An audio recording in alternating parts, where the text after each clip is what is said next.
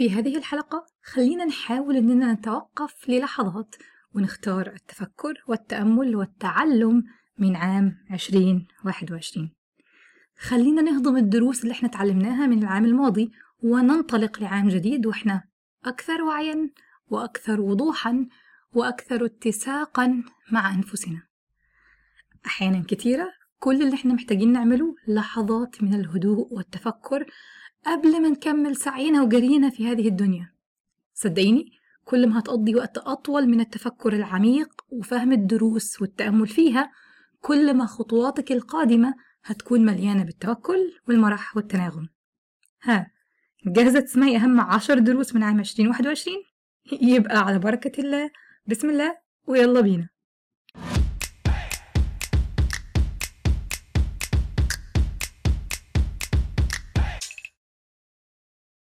السلام عليكم ورحمة الله وبركاته. أهلا وسهلا بيكي في الحلقة رقم تسعة من بودكاست حققي أهدافك مع سارة.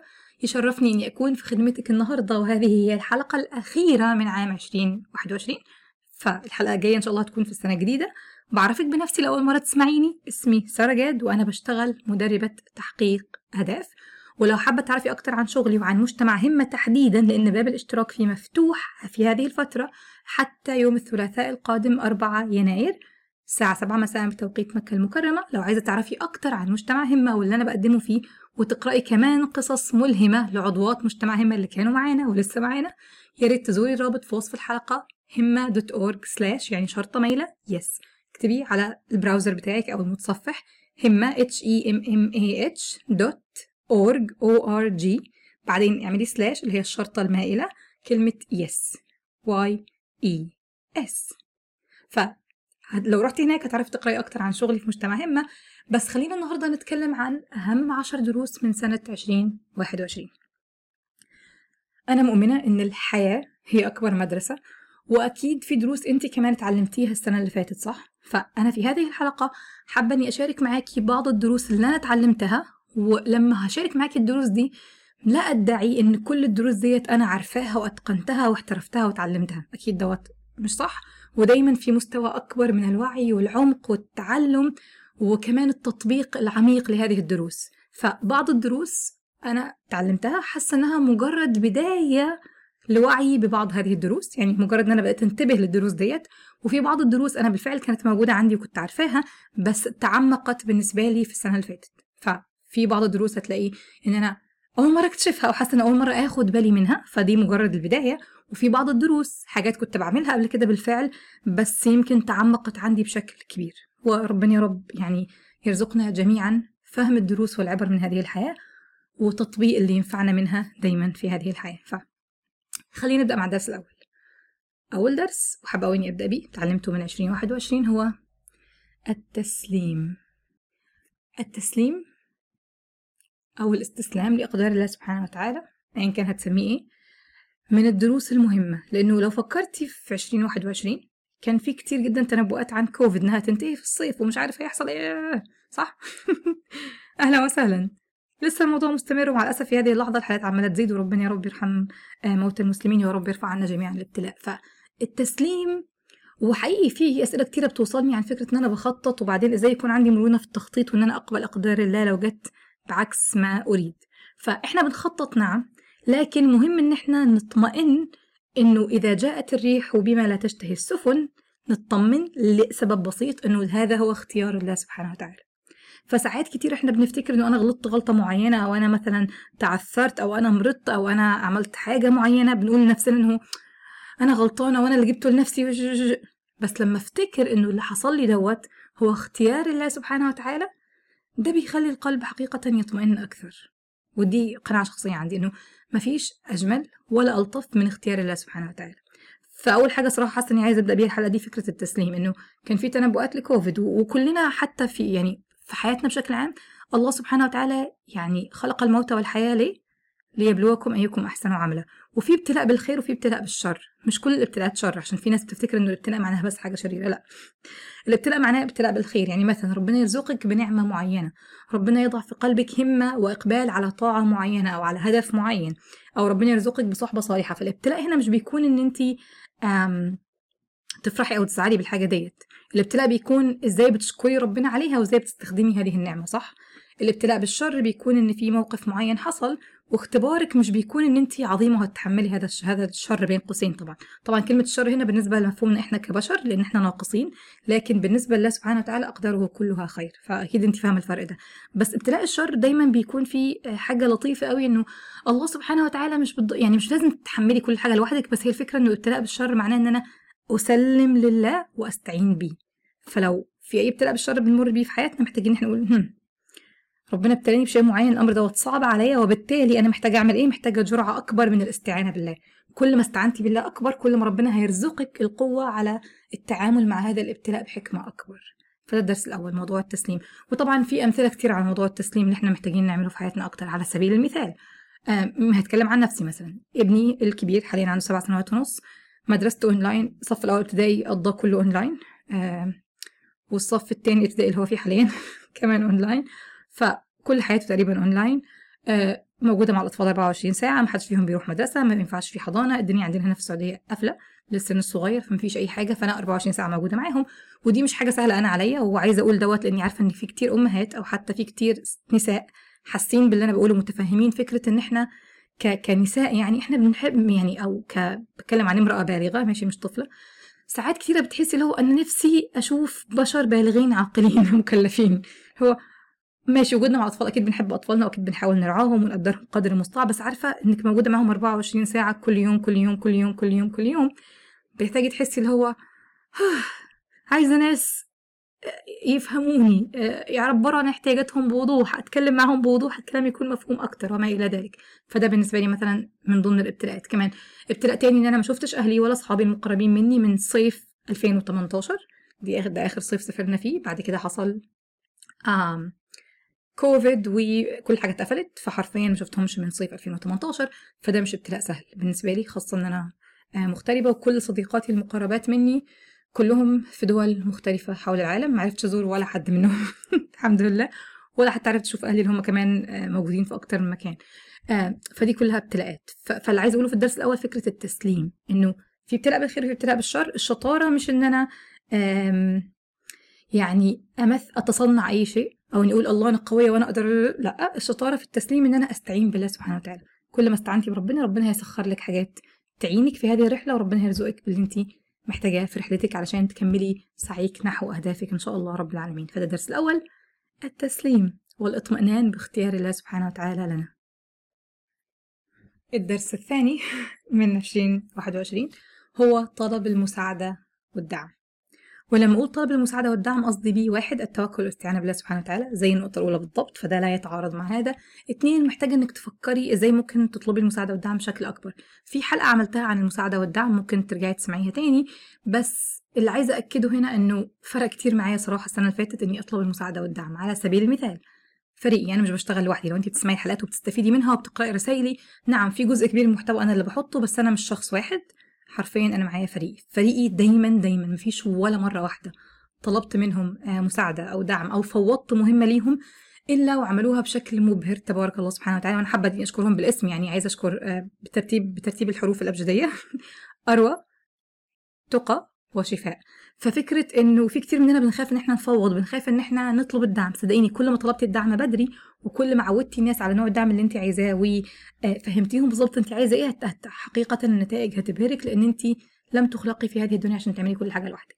هديكي مثال تاني في طلب الدعم والمساعدة. مش لازم يكون لو انت ما عندكيش فريق أو لو انت مش بتشتغلي مفيش مشكلة. أم هذا العام مع حملي الحالي لازم آخد إبرة كل يوم أديها لنفسي يوميا بشكل يومي. طول الحمل وحتى بعد بعد فترة معينة من الحمل. فأختي أختي ريهام أكبر مني عندها نفس الإشكالية وكانت بتاخدها في حملها السابق. وبالتالي اتصلت بيها أختي صيدلانية واخدت الإبرة دي لمدة مش عارفة كام شهر يمكن 10 شهور أو أكتر. فريهام قولي لي بتاخديها إزاي؟ طب أنا ممكن ممكن أكلمك وأنا باخدها مثلا النهارده عشان حاسة إن أنا خايفة وعمري في حياتي طبعا مديت نفسي إبرة أكيد يعني. ما عنديش أي خلفية في الجانب الطبي ولا التمريض ولا الحاجات دي. فلما كلمت بس مجرد إني بكلمها وأنا باخدها أو سألتها كذا مرة حقيقي حسيت إن أنا مدعومة ومسنودة. مثال تاني إني مثلا بتكلم مع صديقاتي المقربات مني من فترة تانية وبعضهم بكلمهم كل أسبوع حرفيا. بنتابع أهدافنا وبنطمن بنطمن على بعض في مكالمة في الأسبوع. طلب الدعم والمساعدة محفظة القرآن بتاعتي العاملة اللي تيجي تساعدني في تنظيف البيت. باخد جلسات دعم نفسي مع دكتور مي سعودي لأني فعلا محتاجة كنت محتاجة دوت فترة معينة ولسه باخد من فترات متقطعة بس محتاجة الدعم دوت. بطلب الدعم من زوجي من أولادي. ولو انت بتسمعيني وانت عضوة معانا في مجتمع همه بالفعل عايزة أفكرك إن عندنا درس كامل عن طرق طلب الدعم إزاي تطلبي بطريقة فعالة ولطيفة. وبالمناسبة آه هتلاقي حتى دوت موجود في درس كامل عندنا في همه وليه جدول لطيف هتحبي قوي الجدول دوت خاصة الخانة الأخيرة من الجدول. كل العضوات همه حابه قوي الخانه الأخيرة أكتر حاجة فلو انت معانا في هتعرفي تشوفي الجدول وتسمعي الدرس وتعرفي إزاي تطلبي الدعم وإيه أنواع الدعم اللي انت ممكن تكوني محتاجاها وإزاي ممكن تطلبيها وإيه اللي بتعمليه في العملية كلها من قبل ما أطلب الدعم لحد ما أطلبه وأحصل عليه أو لا أحصل عليه وأعمل إيه كمان بعد كده. إيه الخطوات القادمة؟ لأن عملية طلب الدعم هي عملية ومحتاجين إحنا نتعود عليها. بس اللي عايزة أختم بيه في موضوع طلب الدعم والمساعدة إنه الدعم مش بيكون بس بالأشخاص. ودي فكرة مغلوطة عند أغلب الناس اللي هو أنا محتاجة دعم بس مفيش حد في حياتي. على فكرة الدعم مش بس بيكون بالأشخاص. واحد زي ما قلنا أول حاجة في الدعم هو استعانة بالله سبحانه وتعالى. ده أهم نوع من الدعم على فكرة. تاني حاجة نعم في دعم بالأشخاص بس كمان في دعم بيكون بالأشياء وده كله بنتكلم عنه بالتفصيل جوه همه فلو انت حاسة إنه مفيش ناس يدعموني لو انضميتي الهمة هتلاقي كل الدعم اللي انت عايزاه حرفيا. تاني حاجة في كمان أشياء ممكن تدعمك فمش بس معتمدة على الأشخاص كمان في أشياء ممكن تدعمك. وده بنتكلم عنه بالتفصيل جوه همة وده الدرس التاني طلب الدعم والمساعدة. حقيقي السنة ديت أنا شاكره لله سبحانه وتعالى إن دي من الحاجات اللي أنا اتعلمتها وبقيت أمارسها وبقت طبيعية بالنسبة لي وبقيت بستمتع لما حد بيطلب مني الدعم وبستمتع لما بستقبل الدعم أو إن أنا بقدمه. فحقيقي فرقت معايا كتير وأعتقد إن مفيش امرأة فينا اللي هو محتاجة الدعم لأن إحنا خلقنا عشان ربنا سخرنا لبعض. لم نخلق إن كل شخص فينا لوحده. حتى خطاب القرآن الكريم هتلاقي كله يا أيها الذين آمنوا مش شخص واحد إحنا أمة. الدرس الثالث درس قصير ولطيف بس بحب قوي أتكلم عنه. المسؤولية. كلمة المسؤولية كلمة كبيرة وفي ناس بتتضايق منها بس خليني أقول لك يعني إيه مسؤولية بالنسبة لي أنا. مسؤولية بالنسبة لي أنا وده اللي اتعلمته السنة اللي فاتت إنه أنا مسؤولة عن مساعدتي أنا. أنا اللي محتاجة إني أبحث وأسعى للحصول على المساعدة. في ناس معينين مثلا بتطلب مثلا مساعدة سواء مساعدة بتطلبها بشكل مجاني أو حتى بشكل مدفوع وبتقولك خلاص أنا مثلا بحضر استشارة مع حد معين فهو لازم يحل لي مشاكلي. لا انت اللي مسؤولة إنك تسعي وانت مسؤولة إنك تسألي الاسئله الصح وانت مسؤولة إنك تختاري الشخص الصح اللي يساعدك. هي الفكرة إن انت اللي مسؤولة إنك تساعدي نفسك أصلا مفيش حد غيرك مسؤول عن مساعدتك. في حد ممكن يساعدك في مس... إن هو يساعدك بس مفيش حد تاني مسؤول عن حياتك أو عن إن هو يساعدك. فانا مسؤولة عن مساعدتي أنا مسؤولة عن اختياراتي أنا اللي بتحملها. وعلى فكرة هذا النوع من المساعدة بالمناسبة في ناس بتتضايق من عفوا المسؤوليه النوع ده من المسؤولية نوع مريح. لأنك أنت بتتحملي اللي أنت أصلا لازم تتحمليه. يعني فكرة إن أنت مثلا مسؤولة عن صحتك ما حدش يتحملها عنك صح؟ مسؤولة عن جسمك مسؤولة عن عباداتك مسؤولة عن اختياراتك أنت. فدي كلها حاجات أنت مسؤولة عنها. فأنت حرفيا شايلة شيلتك ونعم بتطلبي الدعم والمساعدة. عشان كده أنا قلت المساعدة قبل ما أقول المسؤولية. بس هي الفكرة فين هنا؟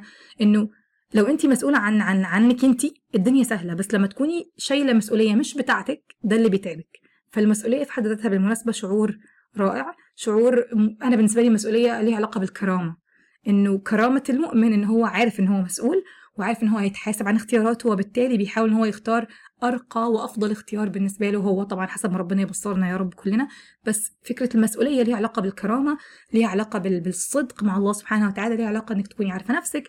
فأنا مسؤولة دي ده شعور حلو على فكرة في شعور بالحرية إنه أنا مسؤولة. نعم. فأنا عارفة أنا كل حاجة خطوة هعملها إزاي فأنا مسؤولة عن خطواتي أنا. لما تكوني شايلة مسؤولية مش بتاعتك ده اللي بيتعبك. بس لما تكوني شايلة مسؤوليتك انت ده اللي بيكون فعلا مريح بالنسبة لك. فدي الكلمة الثالثه أو الدرس الثالث من 2021 المسؤولية. هو الدرس الرابع من عام 2021 هو الصحبة إنك تكوني موجودة وسط مجتمع داعم من النساء.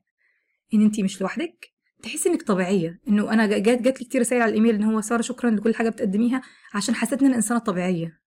لأن اللي حواليا بيحسوني إن أنا إنسانة قليلة أو إن أنا إنسانة لازم أكون خارقة طول الوقت. بس لما بسمعك وبتكلم معاكي أو بتحضر تدريبات عندي بتحس إنها طبيعية وإن معاناتها مقدرة وإن خطواتها وسعيها مهما كانت بطيئة أو صغيرة أو متعثرة جميلة زي ما هي. بتلاقي الحضن والطبطبة. الصحبة الداعمة بتساعدك إنك تذكرك بالله سبحانه وتعالى وتذكرك بأهدافك. كمان الصحبة الداعمة بتلاقي فيها جو من الأنس والمرح والبهجة وده كلنا محتاجينه في حياتنا صح؟ ففكرة إنك محتاجة تحيطي نفسك بمجتمع داعم ده شيء أساسي للغاية. حتى عندنا في همة يمكن عندنا فقرات كاملة من بعض المكالمات بيبقى فيها إن إحنا بنتقسم أوض أصغر وبندعم بعض بطريقة معينة عندنا فهمها بنشرحها بالتفصيل. لو انت معانا فهمها فانت أكيد استمتعتي بيها مرة أو لو انت لسه جديدة منضمة هتستمتعي بيها قريب جدا. بس فكرة فكرة وجود الصحبة فكرة إن انت مش لوحدك. معاناتك ديت حقيقية ومقدرة وفي غيرك كتير بيمروا بيها.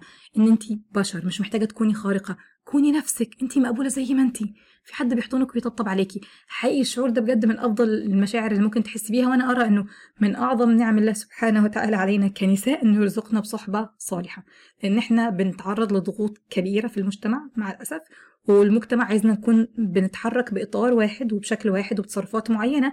ده اللي المجتمع بيقبلها مننا. ولو طلعنا بره الإطار المجتمع حاطه بي بي بيبان إن إحنا إحنا ناس وحشة وإحنا ناس غير مقبولة وما ينفعش. شعور بالرفض.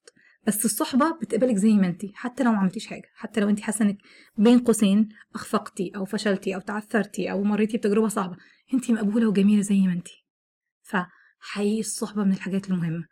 ويا ريت تحاولي قدر المستطاع تدعي الله سبحانه وتعالى يرزقك بهذه الصحبة ولو عندك هذه الصحبة يا ريت تقدريها وتستثمري فيها أكتر لأنها فعلا فعلا حاجة مهمة. ولو طبعا حابة صحبة داعمة هقول لك إن المجتمع هم هتلاقي فيه جمال من الصحبة اللي هتشجعك كتير لأنك هتلاقي نفسك إنك مش لوحدك وهتستفيدي كمان من خبرات نساء أخريات. بعضهم شبهك وبعضهم ممكن تكون خلفياتهم مختلفة عنك بس كلنا في حاجات مشتركة بتجمعنا. فالصحبة حقيقي مهمة. الدرس الخامس دي من الدروس اللي أنا بحبها جدا واللي فرقت فعلا معايا كتير السنة اللي فاتت وتعلمتها في آخر السنة اللي فاتت عشان أو آخر 2021 النص الأخير يمكن. فكرة الطمأنينة. الطمأنينة كلمة كبيرة وأنا مش هدخل في التعريف اللغوي ليها زي ما بعمل في الحلقة التانية بس في أكتر حاجة فعلا بتطمني أنا شخصيا إنه الله معي هنا والآن. لو أنا بشتغل ومش عارفة أركز أو حاسة إن أنا متوترة أو حاسة بضغوطات معينة بمر بيها أو حاسة إن في ابتلاء فعلا صعب صعب أوي عليا أو حاسة إن أنا لوحدي في أوقات معينة. باخد نفس عميق وكل اللي بقوله إنه الله معي هنا والآن. إنه أنا دلوقتي في هذه اللحظة في هذا المكان الله سبحانه وتعالى معي. أيا كان إمتى؟ في نص الليل صحيت من النوم قلقانة بالليل. الصبح في عز الضغوط وولادي مثلا حواليا أو مثلا في في حاجة حد قريب جدا مني جدا جدا مني بيمر بابتلاء صعب وبيتكلم معايا فيه. اخد نفس عميق واطمن انه ربنا معايا هنا والآن. حقيقي دوت بيطمن لأنه الضغوط كبيرة. خلينا نكون صريحين الضغوط في هذا العصر كبيرة. والضغوط طبيعية. على فكرة الشعور بالضغط شعور طبيعي وده صحي. وإحنا كبشر هنمر بضغوط. ما فيش حاجة اسمها إن مش هيبقى عندي ضغوط. الضغوط بتحصل هي الفكرة إنك إزاي بتتعاملي معاها تمام؟ الضغوط بتحصل وهتفضل تحصل فإزاي بتتعاملي معاها؟ فاللي محتاجة تعمليه إنك تطمني نفسك. ألا بذكر الله تطمئن القلوب صح؟ ف بس مجرد إني باخد نفس عميق وبقول لنفسي إن ربنا معايا هنا دلوقتي ساره افتكري ربنا معاكي انت مش لوحدك ربنا موجود معاكي ربنا هيعينك. الفكرة دي في حد ذاتها؟ اولا بتطمن القلب بتخلي الجسد كمان يسترخي بتحسي إن انت عارفة كان كان في جبل كبير على قلبك وعلى الأقل على الأقل مش هقول لك إن الجبل كله اتشال بس على الأقل حاسة إن هو ما بقاش بنفس الثقل أو نعم الثقل. بحاول أفكر في الحركات بس قصدي إنه ما بقاش تقيل زي الأول. تحسي اللي هو أنا مش لوحدي الله سبحانه وتعالى معايا ربنا معايا دلوقتي في هذه اللحظة لا ينام الله دايما معايا. فالفكرة بس دي فكرة إني أفتكر إنه اخد نفس عميق أقول لنفسي سارة انت مش لوحدك مش محتاجة تعملي كل حاجة صح سيبي كل حاجة افتكري ربنا موجود معاكي فإني قريب الآية اللي كلنا عارفينها وإذا سألك عبادي عني فإني قريب. أجيب دعوة الداعي إذا دعان فليستجيبوا لي وليؤمنوا بي لعلهم يرشدون صح؟ يا رب كلنا بندعي إن ربنا هيئ لنا من أمرنا رشدا. طب ماشي هيجي دوت إزاي؟ محتاجه إني أطمن قلبي وجسمي وروحك وعقلك كمان. على فكرة العقل كمان يطمئن لأن العقل أكيد كل واحدة فينا في عندك أدلة عقلية وعندك ذكريات متخزنة جوه عقلك إنه إزاي ربنا كان موجود معاكي في أصعب اللحظات وفي أسعد اللحظات كمان صح؟ عندك ده ده بالفعل موجود جواكي في ذكرياتك وعقلك فاكر الحاجات دي. كل اللي محتاجة تعمليه أو اللي أنا اتعلمته السنة النص التاني من السنة اللي فاتت إنه هاخد نفس عميق وأفتكر إن ربنا معايا هنا والآن. مش لازم ألاقي حلول. يعني دايما ساعات بنقول إيه إيه الحل العملي؟ طيب مش لازم يكون في حلول. عادي. هوقف الزمن حاسس إن الزمن وقف هاخد نفس عميق الله معي هنا والآن. هتلاقي حتى تصرفاتك بعدها اختلفت. كل ما طمنتي نفسك إن ربنا معايا. لما بقول ربنا معايا إيه اللي بيحصل؟ واحد نيتك بتكون لله سبحانه وتعالى. اتنين بتاخدي شحنة صبر أكبر من لو أنت ما افتكرتيش. ثلاثة بتلاقي تصرفاتك حتى بقت أفضل وأحسن عشان أنت بتحسي بمعية الله سبحانه وتعالى. إن ربنا يراكي وبتحسي إن سعيك وصبرك والتعب اللي أنت فيه الله سبحانه وتعالى يراه. ويسمعه ويحيط به وهيجازيكي عليه خير لو احتسبتيه لله سبحانه وتعالى صح؟ فده الدرس الخامس فكرة الطمأنينة. آه محتاجة إنك تهتمي انك تطمني قلبك وجسمك وروحك وعقلك. اللي أنا اتعلمته أو اللي أنا بعمله إني باخد نفس عميق وبفتكر ان الله معي هنا والآن يا رب أنت معايا يا رب يا كريم. ايا كان أو ممكن تقولي بعدها اسم الأسماء الله الحسنى أنت محتاجة إنك محتاجة تتصلي بيه أكثر فالاسم ده سبحان الله كأن ربنا هيسخره زي آه يعني ربنا يعني عارفة بالظبط زي ما العلماء كانوا بيقولوا اللي هو لو انت تحققتي بضعفك ربنا هيمدك بقوته صح؟ ولو انت تحققتي بعجزك ربنا هيمدك بغناه وبقدرته. نفس الفكرة. انه بس ربنا معايا دلوقتي؟ ربنا معايا أنا مش لازم اعمل اي حاجة. شت. الله سبحانه وتعالى معي. كله خير. ده الدرس الخامس. الدرس السادس. يمكن دوت درس شخصي أكتر بس حابة أشاركه معاكي. حسيت إن أنا في السنة اللي فاتت بقى عندي وعي بنفسي أكتر من الأول. بقيت فاهمة دوافع تصرفاتي بشكل أكبر. زمان عشان أكون صريحة معاكي 100% زمان لما مثلا كان يحصل مني سلوك معين أو تصرف معين أو سعي معين في خططي ما كانش عاجبني أو أي حاجة حصلت وأنا شايفة إنها ما كانتش أحسن حاجة أو كانت سيئة بقول لنفسي اللي هو سارة انت ليه بتعملي كده؟ ليه عملتي كده؟ بنفس هذه النبرة اللي هو اخصى عليكي انت إنسانة سيئة. ده اللي كنت بقوله لنفسي. فلما بقول لنفسي أنا ليه بعمل كده؟ عايزه أعرف أنا ليه عملت كده؟ أنا مش عايزه أعرف. أنا بقول لنفسي أنا بجلد نفسي وبلوم نفسي وبقول لها إنها انت وحشة. فبطبيعة الحال إنك تنتقدي نفسك هذا النوع من النقد الهدام وتلوميها وتجلديها كل الحاجات دي بتمنعك إنك تسمعي ما وراء الكلام وبتمنعك إنك تشوفي ما وراء تصرفاتك. لكن فكرة إنه أنا طيب حصل موقف معين عايز أعرف هو أنا ليه عملته؟ إيه اللي حصل؟ إيه اللي خلاني أعمل كذا؟ سارة هل في حاجة معينة كنت بتفكري فيها؟ فإنك بتطمني نفسك وبتبدأي تسأليها من باب الاكتشاف والفضول والفهم مش من باب اللوم والعتاب. فحاولي على قد ما تقدري إنك لما يحصل منك موقف معين ما تجيش تقولي أخسر أكيد ممكن تكوني متضايقة. نعم حقك إنك تضايقي فعادي ممكن تحتوي هذا الضيق وتعبري عنه بطريقة صحية. بس بعد كده اسألي نفسك لما تحسي إن انت قادرة إنك تفكري بشكل موضوعي أكتر وبشكل انت حاسة إنك مطمنة فيه أكتر. لأنه لما بتحطي نفسك جوه قفص الاتهام كل التبريرات اللي هتسمعيها من نفسك لن تكون مرضية بالنسبة لك واصلا مش هتعرفي تسمعي الحقيقة. لكن لما بدأت تقولي نفسك طيب دوت حصل؟ لعله خير؟ أنا عايزة أتعلم عايزة أفهم. خليني أقعد معاكي. يا نفسي اسألي حتى قولي نفسك لو في اسم دلع بتحبيه ارجوكي دلعي نفسك واسأليها بالاسم اللي هي بتحبه. اسأليها إيه اللي حصل؟ كنت حاسة بإيه؟ إيه اللي كنت محتاجاه في الموقف الفلاني؟ التصرف دوت نبع من إيه؟ الصوت اللي حركك عشان تعملي الحاجة دي أو تقولي الكلمة دي أو تاخدي القرار دوت كان صوت مين؟ كان صوتك انت حاسة إن في صوت معين عم بتسمعيه جواكي فمحتاجة إنك تسألي نفسك من باب الاكتشاف والفضول والفهم مش من باب اللي هو ليه عملتي كده؟ اخصى عليكي وهتجلدي نفسك. لا. تاني إنك تحطي نفسك جوه قفص الاتهام ده مش هيوصلك لأي حاجة صدقيني بوعدك بدوت بس إنك تسألي نفسك من باب الفضول والاكتشاف. عايزة اكتشف عايزة أعرف. خلي نفسك مخبر أو محقق أو ايا كان مين أو حتى مرشد جميل لنفسك. بجد الدرس ده هيفرق كتير قوي معاكي. أتمنى إنك تبدأي تسألي نفسك من باب الفضول والفهم والاكتشاف.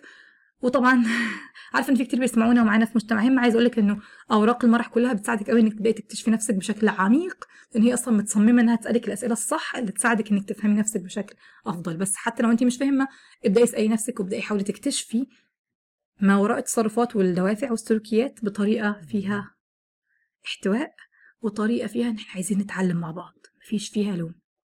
ده كان الدرس السادس. والدرس السابع هو اللي أنا اتعلمته وفرق معايا كتير إني بقيت أعمل أتتبع سعيي بشكل يومي. يعني إيه اتتبع سعيي؟ في أداة أداة هي أداة أو وسيلة أنا عملتها بفضل الله سبحانه وتعالى. الوسيلة ديت أو الأداة دي أو الصفحة دي بكتب فيها بشكل يومي صباحا ومساء. وحرفيا ما أقدرش أستغنى عنها. هذه الأداة أنا مسميها متتبع السعي.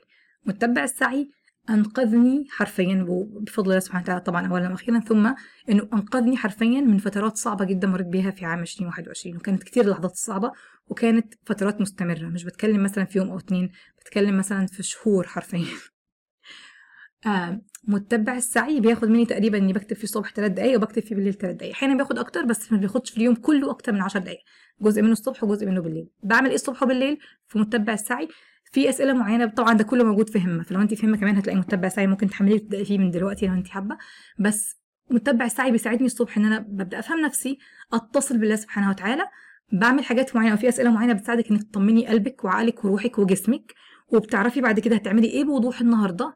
وبتعرفي كمان نيتك إن هو ليه عايزة تعملي الحاجات دي وليه الحاجات دي هتخدمك في حياتك. حتى لو لاحظتي في متبع السعي عندنا لو انت مهمه هتلاقي فوق مكتوب فيه يومي متصل بغايتي. إن كل يوم عندك بيقربك من الله سبحانه وتعالى. هي الغاية الكبرى صح؟ إني عايزة أرضي الله سبحانه وتعالى. فمفيش عشوائية. حرفيا بتبداي يومك وتقولي لنفسك أوكي إزاي النهارده اليوم دوت هيقربني أكتر من رضا الله سبحانه وتعالى؟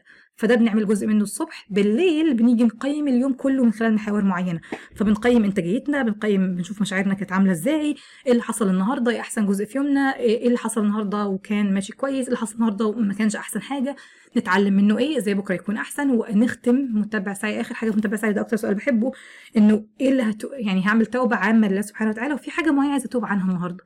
بحيث إن إحنا قبل ما ننام خلاص انت توبتي لله سبحانه وتعالى عن حاجة عامة أو لو عندك حاجة معينة حابة إنك تتوبي عنها بتتوبي عنها فبتحسي اللي هو تتنفسي الصعداء حرفيا ده الدرس السابع إني بتبع سعي كل يوم إني ببدأ يومي متبع سعي بختم يومي بيه أنقذني من فترات صعبة جدا كانت عندي. فوسيلة بسيطة تاخد بالظبط في اليوم 10 دقائق ولكن أثرها عليا وعلى حتى علاقاتي وعلى شغلي وعلى كل حاجة في حياتي كانت عميقة جدا. وده بيدل إنه البساطة هي الأساس. مش محتاجة حاجات كتير عشان تغيري حاجة من نفسك محتاجة حاجة بسيطة تداومي عليها وتستمري عليها وهتلاقي أثر كبير. وده كان الدرس السابع. والدرس الثامن اللي اتعلمته من هذا العام ويمكن ده درس بالنسبة لي كان كنت عارفاه زمان بس حسيت إن أنا عرفته بشكل مختلف خالص وبعمق أعمق بكتير وهو فكرة إن إحنا نقول لأ ونرسم الحدود. حرفيا حقيقي. في راحة عجيبة بتحسي بيها وتناغم واتزان وسكينة لما تقدري تقولي لأ وتحطي حدود واضحة وصحية بطريقة لطيفة مع الناس اللي حواليكي. حتى عايز أقول يعني من من كتر ما أنا فعلا هذا المفهوم بالنسبة لي بجد مفهوم جميل وفي ناس بتخاف من فكرة الحدود آه، لأن إحنا ما اتعلمناش نقول لأ. ليه؟ لأن إحنا اتربينا إن البنت المؤدبه الشاطرة لازم تلبي احتياجات ورغبات وتوقعات الآخرين صح؟ انت اتعلمتي حاجة زي كده؟ أعتقد الإجابة نعم. اكتبي لي في التعليقات تحت تحت الفيديو أو الحلقة اللي بتسمعيها سواء من اليوتيوب أو الساوند كلاود. قولي لي هل انت تربيتي أو سمعتي وانت صغيرة فكرة إن البنت الشاطرة المؤدبة لازم تلبي رغبات وتوقعات الآخرين؟ أنا سمعتها كتير وشفتها كتير وأغلب الناس اللي أعرفهم كانوا عندهم نفس المفهوم. وطبعا دوت أكبر غلط. إنك تقولي لأ يساوي إنك تكوني صادقة. تاني إنك تقولي لأ يساوي إنك تكوني صادقة. لما تكوني فعلا محتاجة تقولي لأ. لو انت طلبتي حاجة من صاحبتك. تخيلي حطي نفسك okay عيشي معايا المشهد دوت تمام؟ تخيلي إن انت طلبتي حاجة من صديقة مقربة جدا منك وصاحبتك هي كانت عارفة إن مش مناسب ليها إنها تعمل الحاجة ديت. لكن بدل ما تقولك لأ قالت وافقت عشان هي مش عارفة تقولك إزاي لأ. شايفة كده لو قالت لك لأ يبقى هي إنسانة وحشة. فهي وافقت رغم إن الحاجة دي مش مناسبة ليها بس هي وافقت علشان حاسة إنه ما ينفعش أقول لأ لفلانة دي صاحبتي تمام؟ فصاحبتك وافقت وعملت الحاجة دي بالفعل رغم إنها مش مناسبة ليها. بعدين انت عرفتي إنها وافقت علشان هي مش عارفة تقول لك لأ وعملت حاجة مش مناسبة ليها علشانك. أعتقد إنك هتتضايقي صح؟ هتحسي اللي هو هتقولي صاحبتك اللي هو انت بجد عملتي حاجة فوق طاقتك ليه طيب؟ كنت قولي لي لأ الموضوع بسيط. يعني أنا بحبك وعارفة إنك بتحبيني ولو دي حاجة مش مناسبة ليه عملتيها ليه؟ بجد أنا آسفة إنك عملتي حاجة مش مناسبة ليكي هتتضايقي صح؟ لكن لو كانت صاحبتك صادقة معاكي وصريحة مع, مع نفسها الأول اولا ثم معاكي وقالت لك حقيقي أنا بحبك جدا بس فعلا الحاجة دي مش مناسبة ليا دلوقتي. ممكن تزعلي نعم عادي ممكن تزعلي حقك إنك تزعلي. شعور الزعل أو الحزن أو الضيق أو الحاجة المشاعر الطبيعية عادي ممكن تزعلي. بس انت تكوني متفهمة صح؟ إنه شكرا إنها قالت لك إنها مش مناسبة ليها عشان تشوفي بديل تاني أو تشوفي حل تاني انت وفي نفس الوقت انت عارفة إن انت مش هتكوني أثقلتي عليها أو هي عملت حاجة مش في طاقتها. ففكرة إن واحد يقول لأ معناها إن إحنا نكون صادقين. هل آه ولا لأ؟ وبصدق. يعني لما أقول لأ الحاجة معنى كده إن أنا من جوايا فعلا عارفة انها مش مناسبة ليا ومن بره أنا فعلا مش هعملها. لكن لما أقول لحاجة أيوه نعم بس من جوه هي مش مناسبة فأنا من جوه عندي لأ بس من بره بقول آه في عدم صدق وفي عدم تناغم وبالتالي بنحس بضيق وبنحس بضغط وبنحس بضنك وبنحس بكل المشاعر التانية. وفي ناس بتقولي سارة بحس الناس بتستغلني. هي ناس مش بتستغلك هي ناس بتطلب منك وانت بتوافقي أو بترفضي. وكله باختيارك انت صح؟ فانت مسؤولة إنك تقولي لأ. حتى يعني عايزة أقول إن إحنا حتى يعني حتى أنا اللا دي بسميها لا الحرية. في درس كامل عندنا في همه في المرحلة الثالثه مرحلة مرحلة ساي عندنا حوالي ست مراحل في تحقيق الأهداف بتمشي فيهم مرحلة مرحلة. بتعلمي في كل مرحلة حقيبة من الاستراتيجيات والتكنيكات والأدوات والمهارات اللي بتساعدك كتير في سعيك. بس في درس كامل عندنا عن الحدود ولا الحرية. حتى تشوفي اسمها إيه؟ لا الحرية. اللا اللي بتخليكي تتحرري من كل المفاهيم الخاطئة اللي عندك وبتتحرري من فكرة ان ان, إن انت تكوني غير صادقة مع نفسك وبتتحرري من كل ال ال المفاهيم والقيود اللي انت حطاها لنفسك. فبقول لا اللي بتحررني مش بقول لا اللي بتخليني إن أنا وحشة مع الناس أو لأ لأ. لو حاجة مناسبة ليا بقول نعم لو حاجة مش مناسبة ليا بقول لا. خلاص صح. ده اللي يرضي الله سبحانه وتعالى على فكرة بالمناسبة. اللي يرضي الله إن إحنا نقول نعم للاشياء اللي تناسبنا نقول لا الاشياء اللي مش بتناسبنا. بما يرضي الله طبعا حسب يعني ال... طبعا مع مراعاة الأحكام الشرعية كل الحاجات دي بس ده يناسبني ولا ما يناسبنيش؟ وفي أمثلة بسيطة صغيرة. مش لازم كل طلب ابنك يطلبه منك تقولي له آه وتلبيه مش صح أصلا. ابنك مثلا هو زهقان فعمال يطلب منك مثلا سناك عايز ياكل كذا عايز يعمل كذا عايز مش عارف عادي قولي له حبيبي أنت مش جعان مش هجيب لك الأكل ده دلوقتي. أو ماما تعبانة أنا محتاجة أريح شوية على لو عايز تنام جنبي تعالى نام جنبي مش عاوز تنام جنبي ممكن تلعب باللعبة الفلانية. مش لازم تقولي نعم للناس اللي انت بتحبيهم طول الوقت. لا بتحررك واسمها لا الحرية. افتكري انك بتحرري من كل القيود اللي انت حطاها على نفسك اللي هي بتضغطك على الفاضي.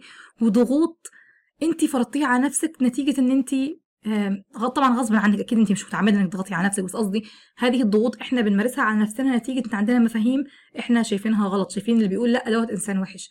عادي جدا تقولي لا بابتسامة وبطريقة لطيفة. الناس تقبلت تقبلت لم تتقبل مفيش مشكلة دي مش مش مشكلتك انت أو دي مش مسؤوليتك انت مسؤوليتك انت وافتكري الدرس الثالث بتاع المسؤولية إنك تقولي نعم للحاجات المناسبة ليكي وتقولي لأ للحاجات اللي مش مناسبة ليكي.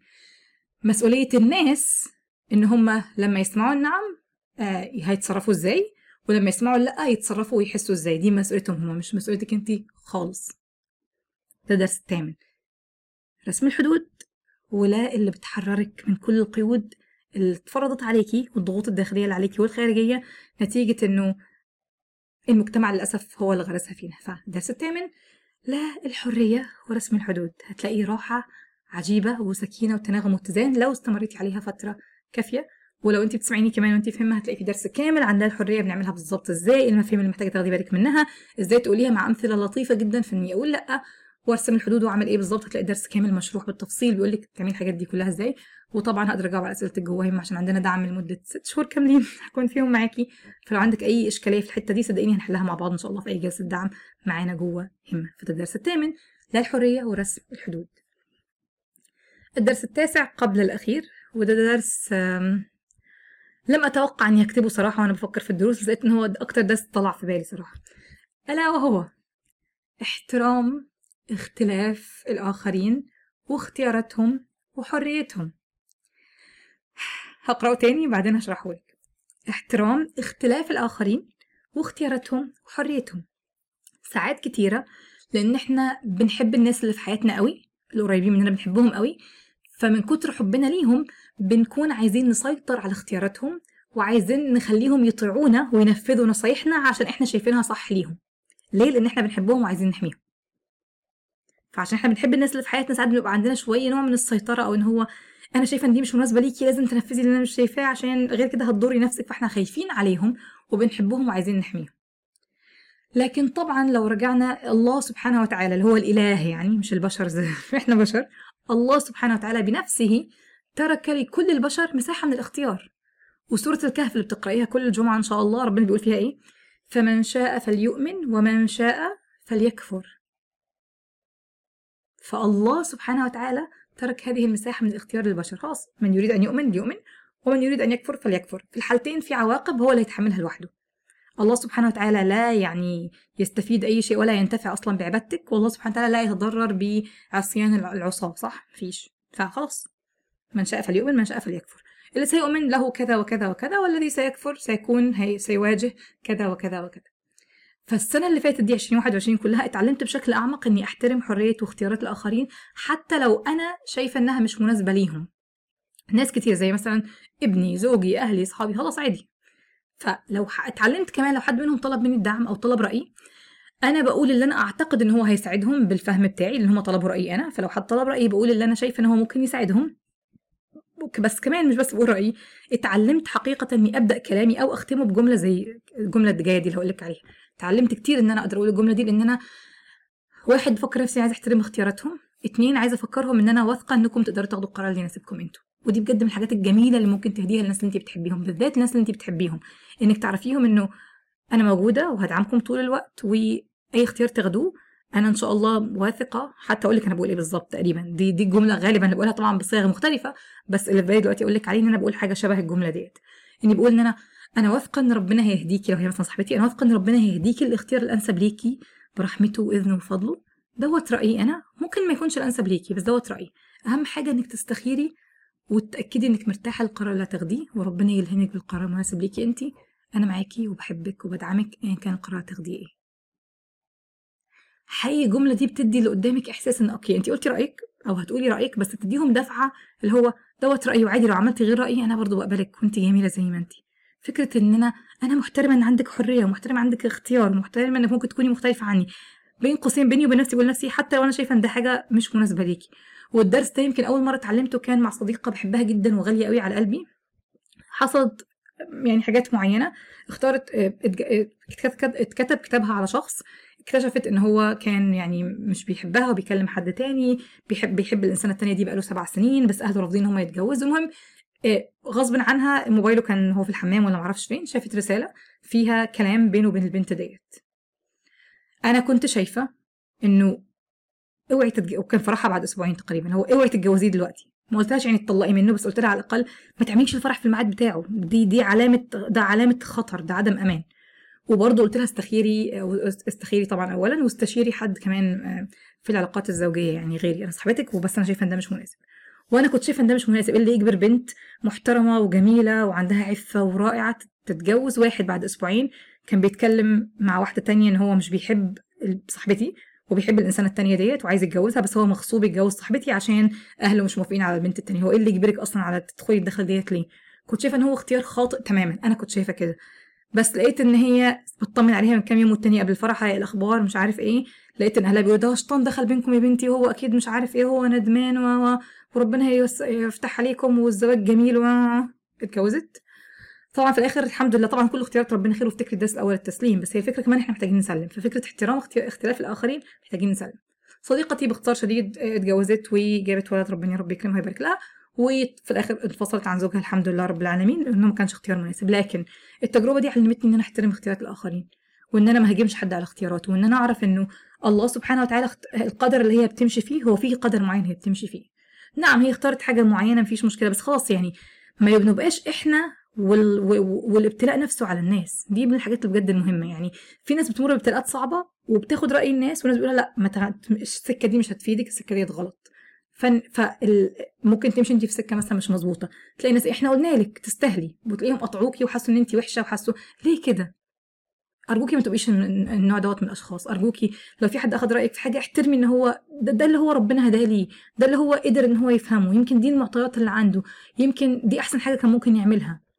يمكن هي بتمر بضعف معين فاختارت اختيار معين صح؟ ما نبقاش قاسيين على الناس. أكيد لازم إحنا نسلم ونساعدهم إن هم يسلموا بقدر الله سبحانه وتعالى. في نفس الوقت ندعمهم ونقف جنبهم. ما نتخلاش عنهم.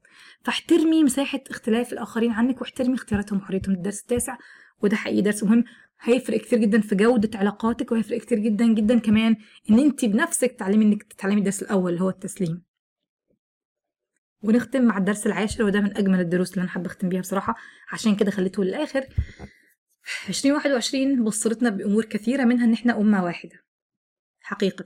ودي من الدروس اللي يمكن يعني جسمي كله بيقشعر وأنا بتكلم عنها إني عارفة إن إحنا حاليا الامه الإسلامية للأسف بتمر بظروف كتير صعبة.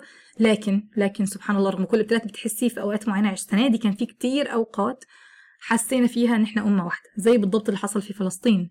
رمضان الماضي وقبل رمضان الماضي وأحداث الأقصى وحاجات كتيرة جدا. أكيد انت كنت متابعة الأخبار وعارفاها كويس قوي فسبحان الله كان في أكتر من فرصة وطبعا اللي بيحصل دلوقتي في كل في كل الدول الإسلامية مش بتكلم بس عن فلسطين. طبعا فلسطين بنتكلم كمان على اللي بيحصل في السودان بنتكلم عن كل حاجة بتحصل في كل دولة عربية مسلمة وحتى مسلمة بس مش لازم تكون عربية. اللي بيحصل والمسلمين عموما حتى المسلمين عموما على مستوى العالم. حتى اللي بيحصل للمسلمين في الأقليات في دول الغرب أو اللي بيحصل للمسلمين حتى في الصين وفي كل مكان فكرة إن إحنا أمة واحدة. كان سبحان الله بيبقى في ابتلاءات معينة بتبقى فرصة إن إحنا نجدد شعورنا بشعور الوحدة. حقيقة يعني بجد دي من الدروس الجميلة. وطبعا محتاجين كلنا نهتم بأمر المسلمين باللي في وسعنا من غير ما يعطلنا عن حياتنا اليومية. مش لأن مثلا في مسلم مسلمين معينين يبتلون في مكان معين ده معناه إن حياتك كلها تقف وتفضلي تعيطي 24 ساعة وتبكي وتحسي بالحزن وفي الآخر للأسف ليه يا رب دوت بيحصل؟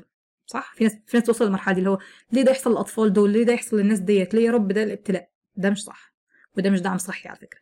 الدعم الصحي اللي هم فعلا محتاجينه منك مش بكاء ومش شفقة ومش تقشف ونحيب وشعور باليأس والاستسلام غلط. ده لا هيرضي ربنا ولا ده هينفع على فكرة الناس دي. الناس دي عايزة إن انت تتحركي في الحياة. اولا تتوبي لله سبحانه وتعالى لأن كل مسلم فينا بيتوب. هذه التوبة حقيقة بتخلينا كأمة كلنا تبقى يبقى علاقتنا بالله سبحانه وتعالى صحية أكثر. دي أول حاجة. الحاجة الثانية هل في نوع دعم ممكن تقدميه؟ صدقات معينة ممكن تدفعيها؟ إني أعمل توعية معينة إني أدعي لهم. وعلى فكرة إحنا للأسف يعني نستقل الدعاء ونحس إن الدعاء حاجة قليلة. والله العظيم الدعاء يغير يغير القدر ويغير القضاء. وإحنا عارفين دوت بس للأسف مش بنطبقه في حياتنا. فكلنا عارفين إنه لا يرد القضاء إلا الدعاء بس يا ترى بنمارسه لأي درجة في حياتنا؟ وبنحس إن الدعاء دوت ولا حاجة مش في إيدي غير الدعاء. نعم ده, انت في إيدك الدعاء. نقول لنفسنا إيه؟ مش ها مش مش ها مش قادرة أعمل حاسة بالعجز. عجز ليه؟ انت عاجزه إنك تدعي؟ هل أنت شايفة إن الدعاء دوت عجز؟